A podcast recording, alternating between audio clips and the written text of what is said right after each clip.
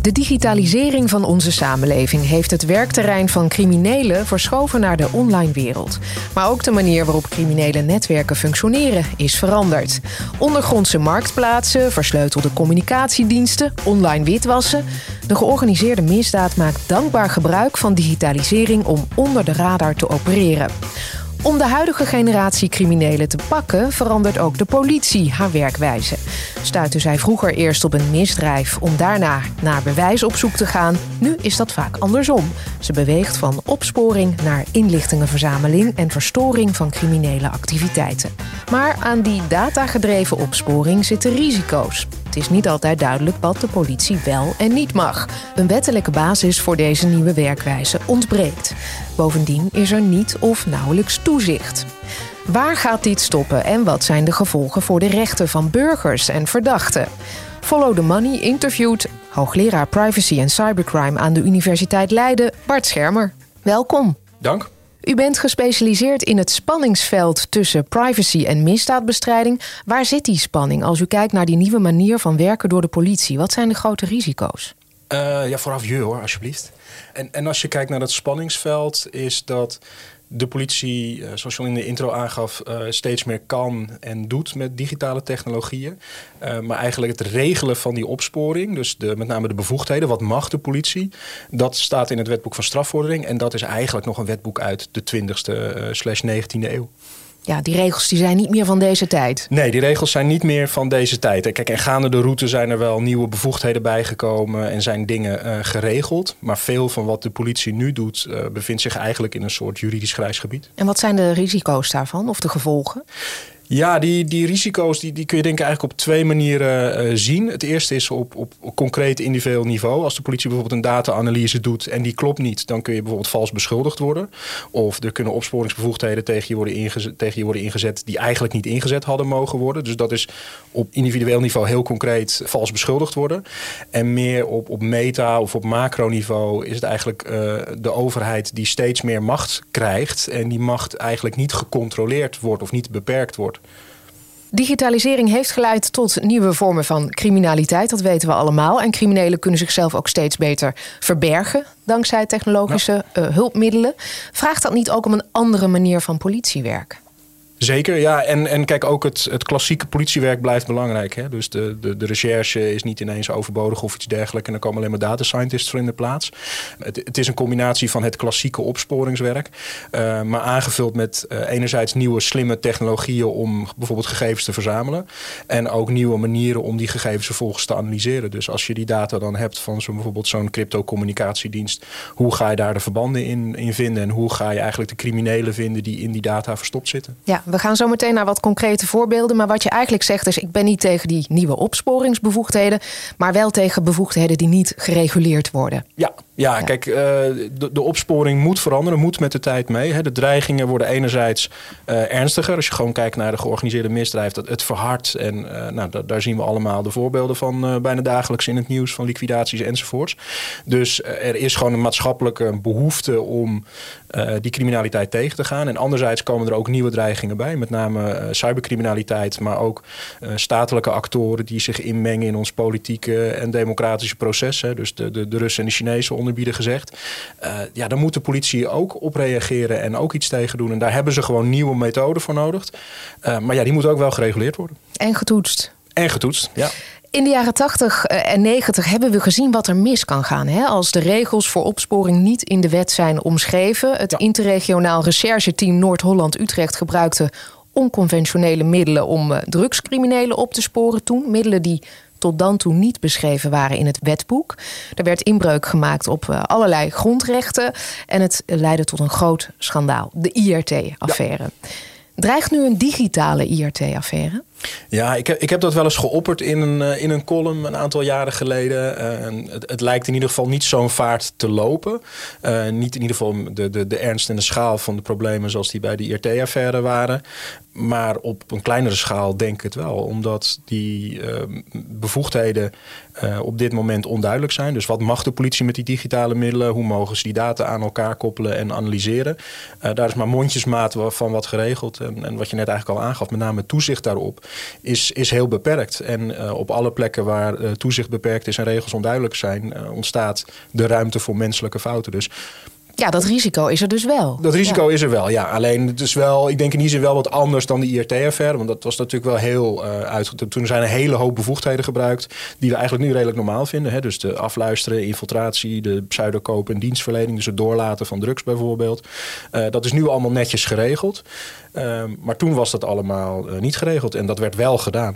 Ja. Maar ja, goed, nu is dus ook niet duidelijk wat er wel en niet mag. Dus gebeuren er misschien wel dingen waar we later ook van zeggen, had niet gemoeten. Ja, ja, en, en dus het, het, het, voornaamste punt is nu dat we daar dus eigenlijk geen zicht op hebben. We, we weten niet goed wat er gebeurt. Dus het kan zijn dat het een storm in een glas water is. Het kan ook zijn dat het wel degelijk op grote schaal uh, mensen kan gaan raken.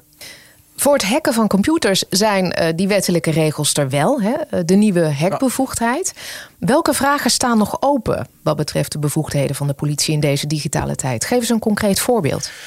Nou, het zit er met name, en dat, dat vereist wel enige uh, toelichting, uh, eigenlijk in de verhouding tussen het verzamelen van de gegevens en het gebruiken van de gegevens. Dus met name het verrijken van de data, het analyseren van de data. Dus het verzamelen van de gegevens, dat is geregeld in het wetboek van strafvordering.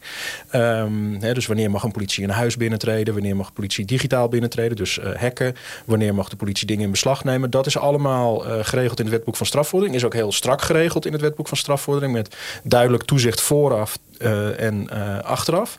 En uh, die regels voor het gebruik van die gegevens, dus de data-analyse, het verrijken van die gegevens, dat staat in, het wet, in de wet politiegegevens. En die is eigenlijk vrij vaag en open. En met name in, in mijn optiek het toezicht lang niet zo strak en streng geregeld als het wetboek van strafvordering. Dus het zit eigenlijk met name in een soort van de, het tussen wal en schip vallen van de toezicht. Wanneer het gaat om enerzijds het verzamelen van de gegevens en anderzijds het gebruik van de gegevens. En, en twee daarvan. Ja, maar ja, het zijn twee verschillende wetten en die sluiten totaal niet op elkaar aan. Nou ja, ik wil toch even naar een concreet voorbeeld. Laten we het voorbeeld nemen van uh, EncroChat. Politie heeft een telecomaanbieder gehackt. Het was de Franse politie, maar ja. Nederlandse politie heeft ook meegedaan aan dit uh, onderzoek.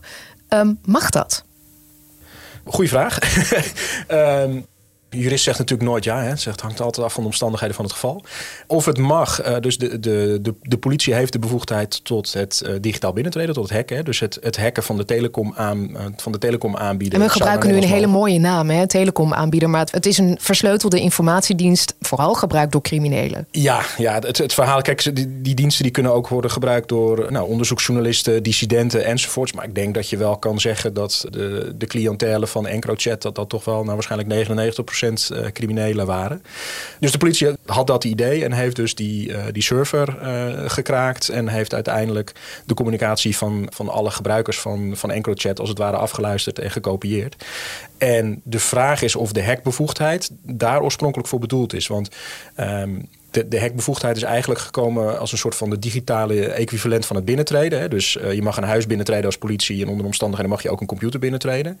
Uh, of dat ook betekent dat je de computer van een bedrijf mag hacken om zo de gegevens van tienduizenden abonnees buiten te maken ja, daar kun je wel van mening over verschillen. Maar uh, dat is een van die dingen die, die, die je eigenlijk liever duidelijk zou, uh, zou willen hebben. Het zij vooraf in de wetgeving, het zij nu achteraf door de rechter. Dus dat ja. uh, gaat nou ja, Die data komen. wordt nu gebruikt in verschillende rechtszaken. Franse rechters vinden dat ja. het wel mag, natuurlijk. Advocaten van de verdachte in die zaken waarin de verstuurde berichten als bewijs dienen, van niet. Ja, ja, en het, het, het, lastige daarbij is, specifiek voor die EncroChat-zaak, is dat dat is beoordeeld door een Franse rechter. De beoordeling is eigenlijk grotendeels staatsgeheim. Hè? Dus de, de, de, de tools die zijn gebruikt, de manier waarop dat is toegepast, dat is wel beoordeeld door de Franse rechter. Maar uh, het, het hoe en het wat, dat is Frans staatsgeheim. Dus dat wordt niet openbaar gemaakt. Alleen de rechter heeft gezegd, ja, dit, dit, dit is goed, dit kan. Uh, en uh, dan is er een beginsel in, in het recht, dat heet het vertrouwensbeginsel. Dat betekent dat de Nederlandse rechter dat niet nog een keer gaat toetsen. Dus de, de Franse rechter heeft gezegd dat het oké is. We weten eigenlijk niet waarom en hoe dat oké is. Want ja, dat is niet, niet openbaar. En we moeten hier vertrouwen op het oordeel van de Franse rechter. En dat is voor heel veel advocaten in Nederland natuurlijk, die cliënten bijstaan en die we eigenlijk willen weten hoe die data dan echt verzameld zijn, wat er gebeurd is. Is dat heel onbevredigend. Want ja, dat wordt niet getoetst, want het vertrouwensbeginsel. Ja, en zij kunnen dus ook niet controleren of de rechten van hun cliënten zijn geschonden. Nee, nee in, die zin, in die zin niet. Omdat zij eigenlijk dus niet kunnen uh, nagaan of die, uh, die hack op een juiste manier heeft plaatsgevonden. Um, en ja, daar, daar valt weinig aan te doen. Dus tot op heden heeft ook zo'n beetje elke rechtbank gezegd van ja, het vertrouwensbeginsel staat aan de weg aan verdere toetsing. En daar blijft het bij. Dus veel boze advocaten die ook een brief hebben gestuurd uiteindelijk naar het kabinet van we moeten iets met die data-analyse en we moeten iets met die, met die hekbevoegdheid. Tegelijkertijd, hè, als criminelen elkaar versleutelde berichten sturen over wie ze willen liquideren, hoe en wanneer.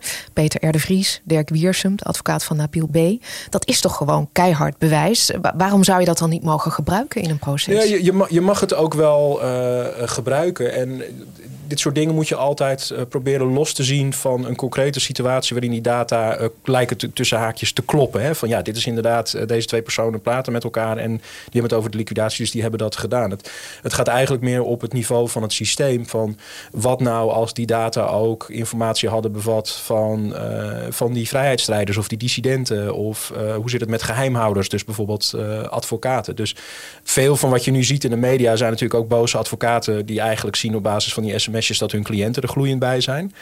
Uh, alleen los van dat wil je wel dat uh, het verzamelen en het gebruiken van die gegevens altijd volgens de regelen der kunst gebeurt. Juist omdat in individuele gevallen er vergissingen gemaakt kunnen worden. En je wil niet dat iemand de gevangenis ingaat omdat er een verkeerde analyse heeft plaatsgevonden of wordt blootgesteld aan allerlei uh, zware overheidssancties, hè, boetes, vrijheidsbeneming, dat soort zaken. Da daarvoor hebben we de, de strafvordering. Juist dat voor zaken waar die eigenlijk bijna nooit zouden voorkomen. Hè, voor het, de ene keer dat het misgaat, daarvoor is grotendeels natuurlijk het wetboek nou, van strafvordering.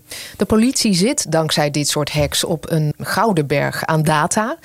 OM-baas Gerrit van den Burg die zei in een interview met Follow the Money over datagedreven opsporing: Vroeger zocht een zaak bewijs, nu zoekt het bewijs een zaak. Vond ik een mooie ja. uitspraak. Maar er moet toch wel een verdenking bestaan? Ja, er moet een verdenking bestaan. Uh, en dat betekent dat er uit uh, feiten en omstandigheden een, een redelijk vermoeden van schuld en een strafbaar feit moet zijn. En de vraag zit er natuurlijk van wanneer heb je die feiten en omstandigheden te pakken. En het, verdenkingsbegrip uit artikel 27 strafvordering is relatief vaag. Uh, en wordt altijd door rechters aan de hand van de omstandigheden van het geval, daar zijn ze weer, getoetst. Dus bijvoorbeeld als je iemand uit een bekend drugspand ziet lopen met zijn hand strak in zijn zak geklemd ja, dan kan je als politieambtenaar daar misschien wel een redelijk vermoeden van uh, schuld aan een strafbaar feit, namelijk een drugsdelict, uit afleiden. Hè? Maar als iemand gewoon op straat loopt met zijn hand in zijn zak. En, en jij denkt van nou, die ziet er toch wel een beetje uit als een, als een crimineel, als politieagent. Dan is dat misschien wel niet het geval. Hè? Omdat die omstandigheden dan net anders zijn. En dan maak je de stap naar het digitale en de data-analyse. En dan is de vraag van hoeveel datapunten heb je nodig? Hè? Hoeveel van die combinaties zijn er nodig? Of welke data zijn relevant om te zeggen van ja, als deze persoon inderdaad contact heeft met die en die is daar en daar op dat tijdstip geweest, zien we in de data. Nou, dan is er inderdaad een vermoeden van schuld en een strafbaar feit. En dan kunnen we onze verdere opsporingsbevoegdheden in zetten. En bijvoorbeeld als je het dan hebt over die EncroChat data, dan gaat het bijvoorbeeld over netwerkanalyses. Dus we hebben een bekende verdachte of we hebben zelfs een, een, een veroordeelde crimineel. Met wie heeft hij allemaal gecommuniceerd en uh, onder welke omstandigheden en wat staat er dan in die berichtjes? Dat leidt dan vervolgens tot het vermoeden van schuld. We gaan zo meteen wat dieper in op die data-analyse, het gebruik, het verzamelen van data. Maar een uh, van de andere uh, nieuwe politietactieken waar je, waar jij je zorgen over maakt, specifiek, dat zijn verstoringsacties. Acties die niet gericht zijn op het opsporen van de crimineel, maar het verstoren van zijn activiteiten. Ja. Leg dat eens uit. Welk gevaar schuilt daarin? Ja, dus uh, waar, waar dat vandaan komt, is eigenlijk uh, het, het criminele bedrijfsproces wordt als het ware geanalyseerd. Hè, en van, van hoe gaat zo'n crimineel of een groep criminelen nou te werk. En vervolgens gaan we kijken van waar we in dat proces uh, kunnen verstoren. Hè, hoe we dat criminele businessmodel kunnen frustreren door het moeilijker te maken, door die omstandigheden te veranderen of weg te nemen die, die helpen om crimineel gedrag te plegen. Dus, en waar moeten we dan aan denken? Waar verstoor je nou, de, de actie mee? Als je zegt van uh, er, worden, er worden normaliter worden er katvangers gebruikt om iemand ergens in te schrijven of gelden af te vangen. Dat je dan extra eisen gaat stellen aan registratie van personen bijvoorbeeld. Hè? Dus extra identiteitscontrole, zodat het moeilijker wordt om, uh, om katvangers bijvoorbeeld te gebruiken. Mm -hmm. Dus uh, dat is helemaal afhankelijk van het aard en het type criminaliteit. Hè? Soms kan het ook gewoon zijn meer straatverlichting. Want de, de, de, boef is gebaat bij, bij een donkere omgeving. Dus als we zien dat ergens veel criminaliteit wordt gepleegd, misschien moeten we dan de straatverlichting ja. aanpassen. Nou ja, daar kan je weinig op tegen Da hebben? Daar kan je op zich weinig uh, op tegen hebben. Maar op het moment dat je gaat zeggen van nou, kijk, we, uh, we zien bijvoorbeeld dat een bepaalde infrastructuur veel door criminelen wordt gebruikt. Hè, dus bijvoorbeeld een bepaalde server. Uh, in plaats van dat we echt daadwerkelijk de boef gaan opsporen en proberen die boef uitgeleverd te krijgen en in Nederland te gaan veroordelen, halen we gewoon die server uit de lucht dat is waarschijnlijk veel effectiever in veel gevallen dan daadwerkelijk de crimineel proberen te achterhalen. Omdat zeker bij die internationale criminaliteit uh, 9 van de 10 keer die crimineel niet te pakken krijgt. Dus uh, Rusland bijvoorbeeld levert geen staatsburgers uit. Nog los van het feit dat we niet zo'n hele goede relatie hebben op het moment met Rusland. Dus als er een Russische hacker onze Nederlandse bankaire infrastructuur bijvoorbeeld bedreigt ja, de kans dat, dat die uitgeleverd gaat worden naar Nederland, uh, ja, die kan je wel denk ik wel zeggen, dat is ongeveer nul. Dus zeg je van nou, dan gaan we proberen om de infrastructuur van die crimineel te ontmantelen. Nou, prima. Toch? Op, op zich prima. Hè? En ik, ik ben ook helemaal niet tegen uh, dit soort innovatief politiewerk en, en tegen bijvoorbeeld tegen verstoringsacties. Alleen de inbreuken die worden gemaakt op de rechten van, van verdachten, uh, maar ook bijvoorbeeld van misschien die bedrijven die betrokken, uh, ongewenst of ongewild betrokken zijn bij dit soort criminaliteit. Daar is eigenlijk geen concrete bescherming voor. Omdat ons wetboek van strafvordering gaat over het, die bevoegdheden zijn er om mensen op te sporen. Niet om crimineel gedrag te verstoren. Of in ieder geval in veel mindere mate te verstoren en te stoppen. En wat je dan eigenlijk krijgt is dat op het moment dat het gedrag uh, gestopt is, dus die crimineel zijn server is weg en nou, dan zijn we klaar.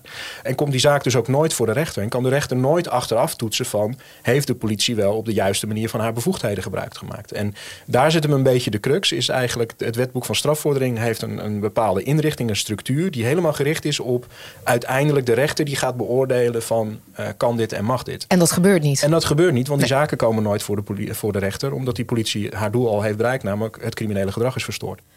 Follow the Money reconstrueerde onlangs ook zo'n verstoringsactie. De politie bevrijdde daarbij meer dan 150 gegijzelde netwerkschijven uit handen van ransomware-bende Deadbolt. In dit geval werkte de politie nauw samen met Ricky Gevers, ja. een ethisch hacker, eigenaar van een cybersecurity bedrijf. Dat soort samenwerkingen met private cybersecurity bedrijven vindt wel steeds vaker plaats. Ja, uh, Wat vind je daarvan? Ja, op, op zichzelf heel goed. Want kijk, die, die dreigingen die er zijn voor uh, onze, onze veiligheid in het algemeenheid en dan de cyberveiligheid in het bijzonder, die, die zijn serieus. Hè? Dat, dat, laten we dat voorop stellen.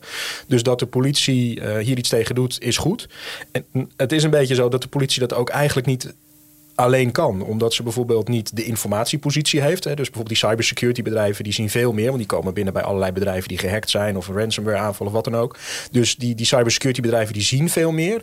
Um, en hebben daarnaast ook vaak meer capaciteit en soms ook wel meer kunde dan de politie om dit soort criminaliteit aan te pakken. Dus bijvoorbeeld in dit geval uh, was het Ricky Gevers die een heel slim idee had om uh, de criminelen als het ware voor de gek te houden door het geldbedrag over te maken, maar toch eigenlijk niet. Dus dat soort dus is een kleine window of opportunity dat je het ja. geld weer terug kan halen, ja. uh, de bitcoins. Ja, ja. ja kijk, en dat is, dat is heel creatief en heel goed. En daar heeft de politie in die samenwerking dan dankbaar van gebruik van gemaakt. En dat, dat is op zich dus goed. Alleen ja, nogmaals, het is niet geregeld. Dus je zou eigenlijk ook hier weer liever willen hebben dat er duidelijke regels zijn over bijvoorbeeld de uitwisseling van informatie van de politie naar die cybersecurity bedrijven en omgekeerd. En onder wiens aansturing staan die cybersecurity bedrijven eigenlijk? Is dat onder aansturing van de politie of doen ze dat zelf? Nou, allemaal van dat soort zaken nou, je wil zegt, je het liefst concreter hebben. Je vindt het goed dat ze meer met elkaar samenwerken, maar je kunt je ook afvragen of het wel wenselijk is hè, dat de politie opsporing uitbesteedt aan een particulier bedrijf? Ja, ja nou, het antwoord op die vraag is heel erg afhankelijk van uh, het antwoord op de vraag hoe is het uitbesteed. Hè? Dus als het onder aansturing van de politie gebeurt en het is een uh, gescreend cybersecurity bedrijf en het is een, een, een gescreende uh, persoon die, die, die dat uitvoert, dan zou je kunnen zeggen dan, dan gebeurt het onder auspiciën van de politie en met het juridisch kader wat de politie heeft, inclusief het toezicht enzovoorts. Um, dan zou ik zeggen, nou, dat, dat kan. Met de politie als opdrachtgever? Met als het ware de politie als opdrachtgever. Maar dan, dan zou je het eigenlijk dus moeten zien dat het cybersecurity bedrijf eigenlijk wordt ingehuurd als een, een soort van onderaannemer van de politie. Maar die staan dan onder de volledige controle uh, en onder de volledige verantwoordelijkheid van de politie. En het onderzoek zelf dus onder de regels die, uh, die voor de politie gelden. Moet je natuurlijk wel heel goed zeker weten dat het bedrijf waarmee je samenwerkt en de personen waarmee je, mee je samenwerkt te vertrouwen zijn. Hè? Dat, dat is wel belangrijk dan. Maar waar die tricky wordt, is op het moment dat je eigenlijk een meer soort van informele samenwerking hebt. Hè? Dus het is eigenlijk de politie die bepaalde dingen mag, haar eigen juridisch kader heeft. Het is het cybersecurity bedrijf wat zijn eigen kaders heeft. En dat ze gebruik kunnen maken van de ruimte die in elkaars kaders is om bijvoorbeeld data uit te wisselen. die ze misschien zelf niet zouden mogen verzamelen. Of dingen doen die politie misschien minder snel zou kunnen of mogen dan een cybersecurity bedrijf. Dus als het zo'n informele samenwerking betreft, mag de politie wel bijvoorbeeld een USB-stick aangereikt krijgen van zo'n bedrijf. Maar ze mag niet zelf vragen regel voor mij die USB-stick. Want ik heb zelf, eh, ik kan er niet bij. En... Of een vordering krijgen van de officier is te lastig. Of van de rechtercommissaris, die doet daar moeilijk over. Maar kan jij niet eens creatief kijken waar je achter kan komen? Dat is toch heel moeilijk te controleren wie nou heeft bepaald uh, hoe die informatie tot de politie uh, en komt. Juist, en juist daarom wil je het dus explicieter geregeld krijgen. Enerzijds omdat je denk ik nu een hele hoop kansen mist in die samenwerking. Hè? Want de politie en die cybersecurity bedrijven, die, die zien dat risico natuurlijk ook. Hè? Die, de cybersecurity bedrijven moeten aan de AVG en dergelijke voldoen. Dus die zijn ook weer heel terughoudend in het delen van gegevens. Want ja, mag dat wel van de AVG? En wat nou als de autoriteit persoonsgegevens komt? De politie uh, weet ook niet precies wat er kan en mag in die samenwerking. Of ziet daar heel veel beperkingen in. Dus dan, dan eigenlijk door de onduidelijkheid in het juridisch kader... of misschien het ontoereikende uh, huidige juridisch kader pak je die kansen niet. Maar anderzijds kan je ook zeggen van ja, als het een grijs gebied is, dan kan de politie en de cybersecurity bedrijven dus ook doen wat ze willen. Want er is toch bijna geen toezicht. Of uh, zolang, nou zolang, er niemand klaagt, zal het wel goed zijn. Als de lijntjes kort zijn, dan kom je misschien snel in de verleiding om te vragen aan zo'n bedrijf: Goh, willen jullie daar niet eens tegen de deur leunen om te kijken of er iets open staat? Ja, bijvoorbeeld. Ja. Heb je daar indicaties van dat dat gebeurt? Nee, ik heb, ik heb daar niet, niet direct indicaties voor dat er, uh, uh, dat, er dat soort uh, dingen plaatsvinden. En als dat al is, dan, dan zal dat niet in mijn optiek, denk ik, met boze opzet zijn of moedwillig de, zeg maar de regels omzeilen. Die, die indicaties heb ik niet. Maar wat je wel kan zien is dat er hele nauwe contacten zijn binnen, om het maar zo te noemen, het cybersecurity domein. Hè. Dus uh, veel cybersecurity bedrijven zijn opgericht door, uh, of daar werken mensen die oorspronkelijk bij de diensten vandaan komen. Hè, dus de inlichting en veiligheidsdiensten, of bij de high-tech crime unit. En überhaupt die, die hele hackers scene is natuurlijk nog een, een, redelijk beperkte groep mensen die elkaar kent, die kennis uitwisselt. Uh, dus er zijn ook gewoon een hele hoop vriendelijke contacten natuurlijk met elkaar. Dat is ook in die zin niet, niet gek. Alleen, ja, dan is misschien de verleiding als je een keer een borrel met elkaar drinkt van joh, ik heb dit gezien, kan jij niet eens dat, is misschien groter. Waar ligt de grens? Wat als een cybersecurity bedrijf een Russische server hackt met de toestemming van een Nederlandse officier van justitie? Moeten we dat goed vinden? Nou, ook, ook hier hè, hangt af van de omstandigheden van het uh, geval. Kijk, ik denk als de officier van justitie getoetst heeft aan de, de regels voor het digitaal binnentreden en uh, gezegd heeft, je, je mag dat toepassen, dan kan dat worden uitgevoerd door een cybersecurity bedrijf. Maar nogmaals, dat moet dan onder de auspiciën en onder de controle van de politie staan. Op het moment dat uh, dat niet via de officiële route is gegaan en een officier heeft gewoon gezegd van ja, kijk, we gaan er geen vordering voor opstellen, maar knijp wel een oogje toe op het moment dat je dat doet ja, dan kun je wel ernstig afvragen of dat nou binnen de discretionaire bevoegdheid van een officier van justitie valt. En ja. ik, Zijn denk, dit... ik denk het eigenlijk niet natuurlijk. Nee. Zijn dit extreme wat als scenario's? Weet ik niet. en dat is ook uh, wat, wat mij betreft uh, een van de redenen om te zeggen van er, moet hier uh, of duidelijke regels komen of in ieder geval meer toezicht komen op de bestaande regels. we weten het gewoon niet. Nee. Iets anders, je zei het al, dat is het brede intelligence werk. Het aan elkaar koppelen van data om daar inlichtingen uit te halen. Ook het Europees Hof voor de Rechten van de Mens waarschuwt voor het ontbreken van regels daarvoor. Voor het op grote schaal verzamelen, analyseren en verrijken van data. Hoe acuut, hoe ernstig is dat probleem? Ja, vind, vind ik een hele moeilijke vraag. Hè? Omdat op, op individueel niveau, en, en daar is natuurlijk dan ook bij het Europees Hof voor Rechten van de Mensen over uh, geklaagd, is het met name wat we het in het begin over hadden. Hè? Dus het, het uh, eigenlijk iemand verdenken van iets wat uh, misschien helemaal niet terecht is. Of eh, op basis van een analyse uh, iemand onderwerpen aan, aan strenger toezicht. Dus je zit eigenlijk een beetje in eerste instantie op dat metaniveau. Hè. Hoe erger is het dat de politie meer van ons te weten komt als burger? En wat kan er dan fout gaan? En dat is een, een heel abstract verhaal. Hè. Uh, maar als je het concreter zou maken, bijvoorbeeld een toeslagenaffaire, vind ik een heel duidelijk voorbeeld van wat er mis kan gaan als je op een onzorgvuldige wijze uh, analyses doet. En op basis daarvan mensen bijvoorbeeld uh, onderwerpt aan uh, sancties, extra controles enzovoort. Dus wel natuurlijk in een andere context. Hè. Maar ik denk dat zo'n toeslagenaffaire heel duidelijk laat zien dat je gewoon echt moet oppassen met data-analyses. Dat betekent niet dat je het niet moet doen, maar wel dat je er heel erg uh, goed naar moet kijken of dat wel goed en netjes gebeurt. Ja, omdat het ook discriminatie tot gevolg kan hebben. Kan, ja. De politie um, heeft Follow the Money onderzocht. Houdt ook gedupeerden van de toeslagenaffaire veel meer dan andere Nederlanders in de gaten. Vraagt uh, vaker gegevens op van toeslagenouders, opvallend vaak bij de basisregistratie personen. Geeft daar geen onderbouwing voor. Uh, dat zijn mensen die worden aangehouden als ze op de snelweg rijden. Dat, dan zijn mensen nu toch al het slachtoffer van deze datadrift. Ja, ja. in zijn algemeenheid hè, voor deze situatie ja je moet altijd kijken van wat is de onderbouwing daarvoor. Hè? Is, is er een redelijke verdenking, bijvoorbeeld om iemand staande te houden?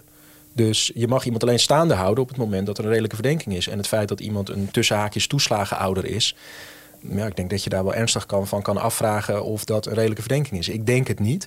Maar wat ik niet weet en, en waar jullie dus ook geen zicht op krijgen, is van wat heeft de politie nog meer aan informatie op basis waarvan ze die, uh, die controles uitvoeren. Dus uh, in ieder geval heeft de Hoogste Rechter, de Hoge Raad, heeft gezegd, bijvoorbeeld uh, in het kader van wat we dan noemen controle en repressieve bevoegdheden, dus een verkeerscontrole, mag je een profiel gebruiken om iemand aan te houden.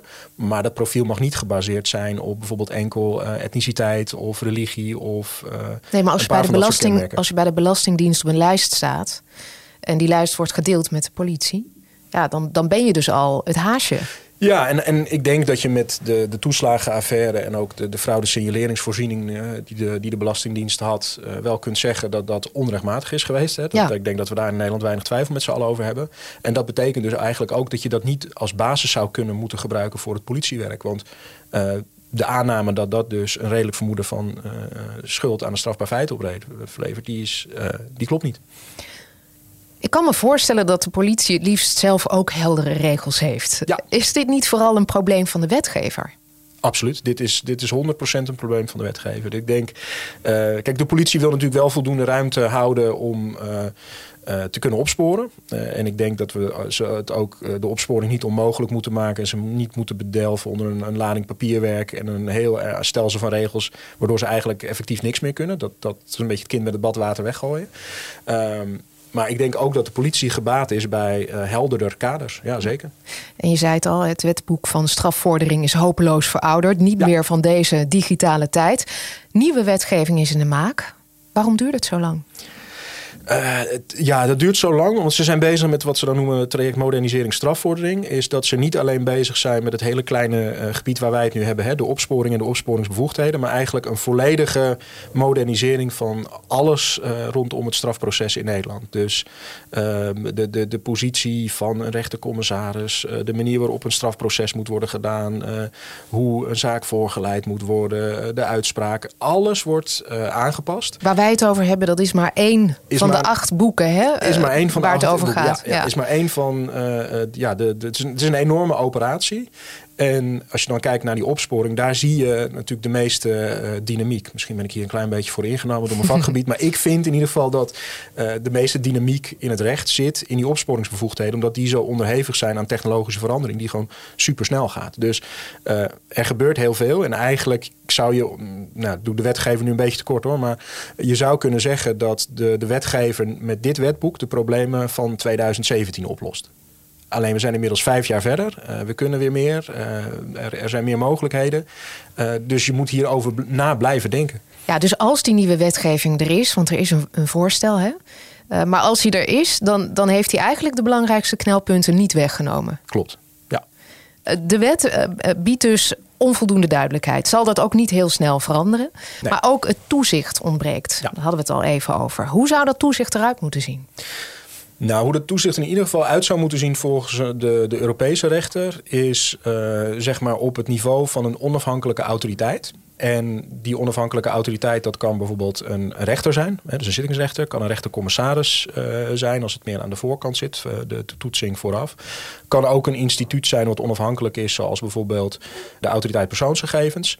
Dus die vorm maakt niet zo heel veel uit. Dus er moet in ieder geval onafhankelijk rechterlijk toezicht zijn vooraf, uh, liefst tijdens en ook achteraf. Dus dat moet er in ieder geval komen. En dat is er wel dus aan de strafvorderingskant, dus aan, dat, aan die verzamelkant hebben we dat wel, mm -hmm. met een rechtercommissaris commissaris bij zware bevoegdheden en achteraf de zittingsrechter. Maar die analysefase, die dus in die wet politiegegevens zit, daar zit dat helemaal niet in. Daar heb je wel toezicht door de autoriteit persoonsgegevens. Alleen die kijkt niet naar het gebruik van gegevens in een individuele zaak.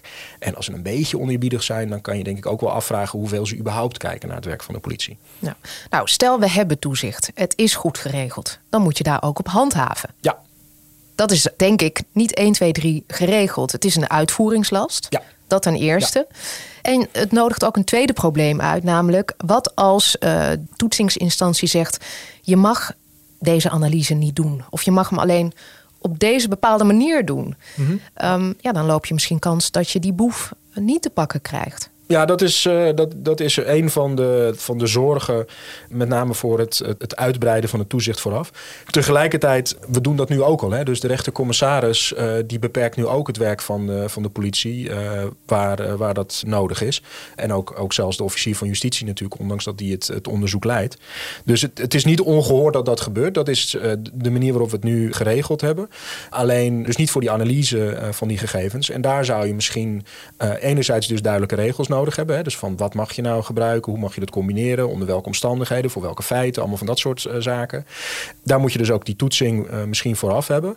En ja, dat kan ook betekenen dat politie in sommige gevallen uh, misschien wat minder kan dan dat ze nu zou kunnen, in die, nu, nu het onduidelijk is. Maar als het privacybelang gaat opwegen tegen het opsporingsbelang. Wat heeft dan de voorkeur van zo'n instantie die dit moet toetsen? Denkt die dan ook niet sneller van, nou, uh, dan wint het opsporingsbelang? Ook hier, sorry hoor, een beetje flauw, maar ook hier hangt dat dus af van de omstandigheden van het geval. Het is met name als het ware de, uh, de onderbouwing die de politie kan geven voor uh, het, doen van deze interventie. Hè? Dus bijvoorbeeld van een data-analyse of een verrijking of het maken van een profiel. Dus uh, hoe beter ze dat kunnen onderbouwen, hoe eerder zo'n instantie uh, natuurlijk daar toestemming voor gaat geven. Want het is, er zit altijd een soort van valse tegenstelling in. Hè? Van als je effectieve opsporing wil, dan betekent dus dat je geen privacy hebt. Maar het moet en-en zijn. Want ook een een soort van phishing expedition of een, een, bevoegdheid waar niet goed over na is gedacht, die wordt toegepast.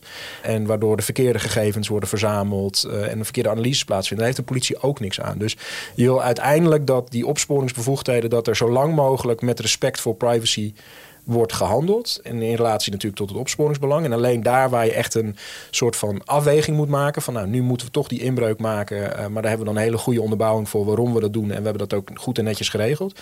Daar verliest de privacy je dan van de opsporing. En zo is het ook in, uh, in de grondwet. En, en, en, belangrijker waarschijnlijk nog in het Europese Verdrag voor de Rechten van de Mens geregeld. Hè. Het is niet of privacy of opsporing. Het mm -hmm. is je, de overheid mag geen uh, inbreuk maken op onze persoonlijke levensfeer. Tenzij, en die tenzij dat is een hele belangrijke, het uh, in overeenstemming met de wet is en voldoet aan de vereisten van proportionaliteit en subsidiariteit. En dat is die onderbouwing van hè, waarom vindt de politie dat ze dit moet kunnen voor deze en deze zaak. En dat is altijd afhankelijk van de omstandigheden van het geval. Even iets heel anders. Op je Twitter-profiel, daar draag je een t-shirt met de tekst I was in privacy before it was hip. Ja, ja. Dus ik vroeg me af, hoe ben je in privacy en recht terechtgekomen? Waar komt die interesse vandaan? Ja, die is eigenlijk tweeërlei. Eerste is, dat is eigenlijk de, de aanleiding denk ik geweest... ook waarom ik uh, uiteindelijk in dit vak beland ben... is gewoon de, de interesse in technologie. Dus wat kan technologie, uh, met name digitale technologie... Ik heb sci-fi altijd interessant gevonden, games altijd interessant gevonden. Dus ik ben altijd bezig geweest met technologie en de mogelijkheden Kreeg van technologie. Kreeg je het ook van, vanuit huis mee? Ja, ja, ja zeker. Ja, nee, uh, mijn vader had een, uh, een, een, keten van uh, Apple computerzaken. Dus ik denk dat ik vanaf dat ik een jaar of zes was... ik denk dat ik het eerste Nederlandse kind zo'n beetje was... wat achter een Apple Macintosh zat. en je vader was ook een goed bekende van Griet Titulaar, heb ja, ik begrepen. Daar, ja, klopt. Daar is dat vandaan gekomen. Hij werkte samen met, met, met Griet. Hij redigeerde onder andere zijn, zijn, zijn teksten. Voor, dus voor de mensen die Griet Titulaar niet kennen... Zeg bestaan maar, die? ja. de jongere generatie. De Alexander ja. Klupping van de jaren tachtig. Ja, ja. Ja. Dus hij, dat was een, het waren goede, goede vrienden van elkaar. En Griet die had toen, dat zal ergens begin 84 zijn geweest... toen Steve Jobs net de eerste uh, Apple Macintosh had geïntroduceerd... had hij dat ding naar Nederland gehaald. En uh, hij liet dat zien aan mijn vader. En ik was uh, toen, toen mee. Ik was toen met mijn vader mee naar, naar Griet Titelaar, het huis van Griet Titelaar. Toen ben ik met de dochter van Griet Het huis, niet, niet het huis van de toekomst? Nee, nee, nee. Zijn, zijn eigen, huis. zijn eigen huis. Wat ook een soort huis van de toekomst ja. was hoor. nou, ik was dus net zes denk ik. nog niet eens. En zat daarachter uh, die, die Mac te werken samen met de dochter van Griet Titulaar, te tekenen en te doen. En toen ging ik mijn vader uitleggen hoe dat werkte. En toen dacht mijn vader van zo, dat, dit is wel heel makkelijk. Hier zit handel in. En die is toen een computerzaak begonnen. Hij maakte meteen een carrière move. Ja, want hij zat, hij zat bij de politie, dus misschien speelt dat ook nog een soort van mee Kijk, in alles komt samen. Ja, nooit zo over nagedacht eigenlijk. maar ja, dus sindsdien altijd heel nauw betrokken geweest met, met computers. Die waren altijd en overal bij ons uh, in, in het huis. En vanuit daar eigenlijk is het denk ik gekomen. En toen ben ik rechten gaan studeren. En Waarom? Ja, dat is, dat is een goede vraag. nee, ik, ik was toen ik had, ik had eigenlijk niet echt een idee wat ik met mijn toekomst moest. Zoals zoveel achter ja, dan ga je rechten studeren. Dan ga je rechten studeren als je niet weet wat je moet doen. En ik had uh, The Firm van Grisham had ik gelezen. En ik had een film gezien met uh, Tom Cruise. En ik kan allemaal snelle maat pakken. Ik denk, nou, dat is cool. Dat, uh, dat, dus dat, dat leek me allemaal wel wat. Dat, dit is een beetje die snelle wereld. En nou, toen ging ik rechten studeren. En toen bleek in het eerste jaar dat het toch allemaal niet zo snel was en een uh, stuk droger en ingewikkelder dan ik dacht. Dus in mijn eerste jaar had ik niet zo bijster veel punten uh, gehaald, meer bezig met de studentenvereniging. En toen uiteindelijk heb ik in mijn tweede jaar uh, het vak recht en internet gevolgd. En toen klikte het. Toen had ik zoiets van, dit is gaaf. Want toen werd het recht als het ware gerelateerd aan een onderwerp wat me aansprak. En dat heeft me nooit meer losgelaten. Dus altijd de verhouding tussen handhaving, opsporing, technologie en de impact die dat heeft. Dus met name mensenrechten dat heeft me altijd gefascineerd en vind ik ook heel belangrijk. Hè? Dus die technologie heeft zo'n impact op onze samenleving en op onze rechten en vrijheden als, als mensen. Daar, daar moeten we goed naar kijken. Daar moeten we zorgvuldig mee omgaan. Ja. Nog heel even terug naar je vader, want het is toch interessant dat hij bij de politie heeft gezeten. Wat deed hij precies? Hij was eerst politieagent en daarna is hij bij de politiedienst luchtvaart uh, gegaan. Dus uh, hij maakte met name uh, luchtfoto's van plaatsen delict, dat soort zaken. Ja, dus hij ging echt ook de lucht in? Ja, ben je wel eens meegegaan? Ja, ja, ja, ja. ik ben uh, meegegaan met een vlucht waarbij ze een plek waar uh, Freddy Heineken toen uh, werd vastgehouden. volgens mij was het een loods ergens in, in Amsterdam, geloof ik. Dus zat jij naast je vader in de cockpit? Ja, ja, of dat arbotechnisch allemaal kon en toegestaan was, weet ik niet. Maar dus nee, je zou kunnen zeggen dat ik misschien het eerste kind was wat wist waar Freddy Heineken zat toen hij, toen hij ontvoerd was. Je zegt het klikte toen je het vak internetrecht kreeg en, het snijvlak van recht en technologie. Je houdt je nu op dit moment ook bezig met immersieve technologieën, virtual reality. Want daar komen ook heel veel fundamentele vragen uit voort. wat mag? Eh, wat wil je als samenleving? En je riep een aantal vragen op in je oratie die ik heel interessant vond. Kun je een bionische arm in beslag nemen? Ja. Of hoe gaat opsporing in de metaverse eruit zien? Hoe kijk jij daarnaar? Als iets waar we nu al over na moeten denken. Hè? Want dit klinkt heel erg als science fiction. En uh, de, de metaverse, dat was natuurlijk vorig jaar was dat heel hot. En nu heeft iedereen zoiets oh nou, uh, de aandelen van Facebook die zijn omlaag gegaan. Dus het zal wel, uh, het zal wel loslopen met die metaverse. Al die crypto coins die zijn ook weg. Maar die onderliggende trend is niet veranderd. We gaan met z'n allen steeds meer een soort van mengvorm van fysiek en digitaal worden in ons leven. En dat betekent meer data, nieuwe vormen van criminaliteit. En daar moet de opsporing moet, moet daar iets mee. Dus daar moeten we nu al over nadenken. Hetzelfde geldt voor, voor wat we dan uh, augmentatie noemen. Hè? Dus uh, die, die, bionische armen. Dat gaat komen. Mensen gaan hun, hun lichaamsdelen, al, al is het voor een, een beperking vervangen door uh, kunstmatige lichaamsdelen. Maar misschien ook omdat in de toekomst die gewoon beter zijn. Hè? Dus dan heb je een normale set ogen en dan kan je een set ogen kopen als een soort van upgrade, waardoor je nog een heel stuk beter kunt kijken of in infrarood kunt kijken. Maar dat verwerkt allemaal data. En de politie kan misschien zeggen van nou, we hebben gezien dat u bij een uh, plaatsdelict was en een uh, mogelijke getuige bent. Geeft u uw ogen maar even aan ons of mogen we uw ogen uitlezen? Ja. Of uh, een vechtpartij die is plaatsgevonden en iemand heeft een bionische arm. En dan neemt de politie van die verdachte zijn bionische arm in beslag. Of de data daarop in beslag. Om uit te lezen van heeft hij wel of niet geslagen. Want dat wordt vastgelegd natuurlijk door zijn arm. En? Wat vind je? Moet dat mogen? Daar heb ik nog niet echt een antwoord op. Als ik, kijk, ook, ook hier, hè, dit, uh, ik denk dat je, je komt dan heel erg dicht bij niet alleen het recht op privacy, maar met name het recht op de lichamelijke integriteit. En ik denk dat je daar heel terughoudend in zijn. Zeker als die, die augmentaties duurzaam aan het menselijk lichaam verbonden zijn. Ik heb daar samen met uh, collega Oerlemans een, een, artikel over geschreven. Dus wij zijn daar niet op voorhand tegen. Hè, want het, het, kan bijdragen aan, een, uh, aan, de, aan de effectieve waarheidsvinding. Maar het is wel next level, om het maar zo te zeggen. Het, het, is niet hetzelfde als het je smartphone in beslag neemt of iets dergelijks. Het klinkt ver weg, maar wat nu al gebeurt... we gebruiken onze ogen om onze telefoon te ontgrendelen. Ja. Als je wordt gearresteerd, je hoeft niet je wachtwoord te geven, toch? Nee. Kan de politie wel jouw telefoon voor je gezicht houden om hem te ontgrendelen? Ja, dat mag. Ja, dat, dat is toch eigenlijk ook wel een beetje. Ja, dan zit je toch al op dat grensgebied. zeker. En, en hier ook. Hè, en daarom uh, is, is die context, die omstandigheden van het geval zijn altijd zo belangrijk. Dus uh, sta, sta maar weer een klein college toe. Wat de regel is. Wij vinden het zeg maar uh, onmenselijk om bij te dragen aan je, je eigen veroordeling. Hè. Zeker ook omdat je onder druk gezet kan worden. Maar een van de belangrijke rechten is het, het recht om jezelf niet te incrimineren. Dus je mag je mond houden in een strafproces. Dus dat je hoeft niet bij te dragen aan je eigen veroordeling. Maar dat betekent niet dat de politie geen dwang jegens jou mag uitoefenen. De politie mag bijvoorbeeld ook een vingerafdruk afnemen. Of de politie mag een, eh, een ademtest of een bloedtest doen. Dus de menselijke integriteit is in die zin niet absoluut. En mag dus worden geschonden door de politie. En uh, om dat nou bij uh, de, de smartphone te brengen. Dat uh, bijvoorbeeld je vinger op de, de sensor leggen. Of mm -hmm. de telefoon voor je, voor je hoofd houden. Dat gebeurt wat ze dan noemen onafhankelijk van jouw wil. Dus uh, je wachtwoord geven, dat, daar moet jouw wil aan bijdragen. De politie kan uh, de telefoon voor je gezicht houden en uh, dan gaat die open. En dan, wij, wij zijn als juristen natuurlijk nu bezig met de volgende vraag van, maar wat nu bijvoorbeeld als je een, bepaald, uh, een bepaalde gesture hè, moet doen, dus een bepaalde manier moet, een bepaalde handeling moet kijken of uh, moet knipperen met je ogen, alvorens de, de sensor zegt van, oh ja, dan komt je eigen wil weer. Dan komt je eigen wil komt er weer aan te pas. En dan denk ik dat je kan zeggen van, dan is het dus niet meer onafhankelijk van jouw wil en dan mag het niet. Maar op dit moment, als je een crimineel bent, dan zou ik je niet je, je iPhone met een gezicht uh, of met een vingerafdruk uh, nou, beveiligen. um, je bent niet alleen hoogleraar in Leiden, je bent ook uh, de eigenaar, gedeeltelijk partner, oprichter van een private adviespraktijk, ja. Consideratie. Ja. Wat doen jullie precies? Uh, wij adviseren overheid en bedrijfsleven over eigenlijk de zorgvuldige toepassing van nieuwe technologie en het gebruik van, uh, van data. Dus eigenlijk een soort van, van meer praktische toepassing van, uh, van, van een deel van het wetenschappelijk werk wat ik doe. Ook de politie behoort ja. tot jullie klanten, net als het ministerie van Justitie en Veiligheid. Dat zag ja. ik, staat allemaal netjes op jullie ja. website.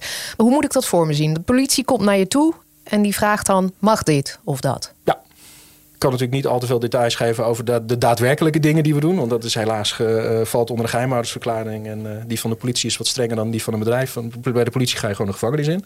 Serieus? Ja. Geen boete, maar meteen de cel. Ja, nou, ik weet niet of, of het, zeg maar de soep zo heet wordt gegeten als dat die wordt opgediend. Maar dat, is in ieder geval, dat, dat zou kunnen. Maar met wat voor type ja, waar, waar, je, waar je aan moet denken is de, de concrete toepassing van een nieuwe technologie in een bepaald geval. Bijvoorbeeld zouden we deze data mogen verzamelen op deze manier en dat zo mogen toepassen. En daar hebben ze een eigen juristen voor. En daar denken ze natuurlijk zelf over na. Maar af en toe uh, hebben ze daar ook gewoon een extern uh, beeld bij nodig. Wat je dan meestal doet is, neem ik aan, uitleggen... dit zijn jullie opties, zo kun je het zo goed mogelijk ja. doen.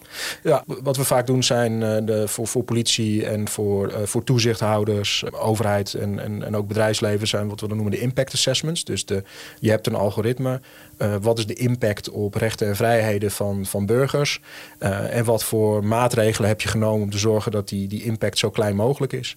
En dat weegt dan allemaal mee bij de vraag van de, de allerbelangrijkste vraag voor de jurist: proportionaliteit en subsidiariteit. Dus subsidiariteit kan het niet op een minder ingrijpende manier. Hè. Heiligt het doel de middelen? Uh, nou, dat is de proportionaliteit. Dat, oh. is, de, dat is de tweede eigenlijk. uh, dus zeg maar, de, uh, de eerste is van, kan het op de minst ingrijpende manier? Hè? Dus je kan bijvoorbeeld toezicht houden met drones. Maar als je dat ook gewoon met een fysiek iemand zou kunnen doen... waarom zou je dan iedereen blootstellen aan drones? Dus mm -hmm. het minst ingrijpende middel. En vervolgens dan moet je weer kijken van... heiligt het doel waarvoor we dat inzetten... Ja, ja. dat minst ingrijpende middel. Tot slot, terug naar die nieuwe werkwijze van de politie... van opsporing naar inlichtingenverzameling. Het begon bij de bestrijding van cybercrime. Het schuift op naar andere vormen van criminaliteitsbestrijding, zoals georganiseerde misdaad. Waar gaat het heen? En waar gaat het stoppen? Het gaat niet stoppen, dat sowieso niet. En waar het heen gaat, elke nieuwe technologie die toegepast kan worden, uh, elke nieuwe data die de politie kan verzamelen om misdaad te bestrijden, zullen ze willen hebben en zullen ze uh, gebruiken. En uh, zoals eerder gezegd, dat, dat is op zich ook goed, zolang dat maar aan, aan, regels gebonden uh, is. En met name altijd die proportionaliteit en die subsidiariteit beoordeeld blijft worden. Van, uh, willen wij een, een, een, politie, willen wij een overheid die uh, zoveel macht heeft om maatschappelijke fenomenen als criminaliteit te bestrijden. Als we dat willen, dan moeten we ook zorgen dat we die macht op de juiste manier kunnen beteugelen. Dus dat, elke nieuwe technologie gaat nieuwe vragen opwerpen, maar de antwoorden zijn bijna altijd hetzelfde: proportionaliteit, subsidiariteit. En hoe wil je uh, als, als samenleving uh, dat een, een overheid uh, zich tot jou verhoudt? We hadden het net over The Firm, de film met Tom Cruise. Gaan we toen daar, om Tom Cruise er maar weer even in te gooien, een, een soort situatie, een wereld zoals wordt beschreven in Minority Report? Ja, die wens is er natuurlijk. Hè? En dat is ook een maatschappelijke wens. Hè? Het, is niet meer voldoende om als criminaliteit plaats heeft gevonden... om dan te zeggen van, oh, dit was heel erg, laten we de boeven pakken. En laten we het feit dat we ze pakken en zoveel jaar in de gevangenis stoppen...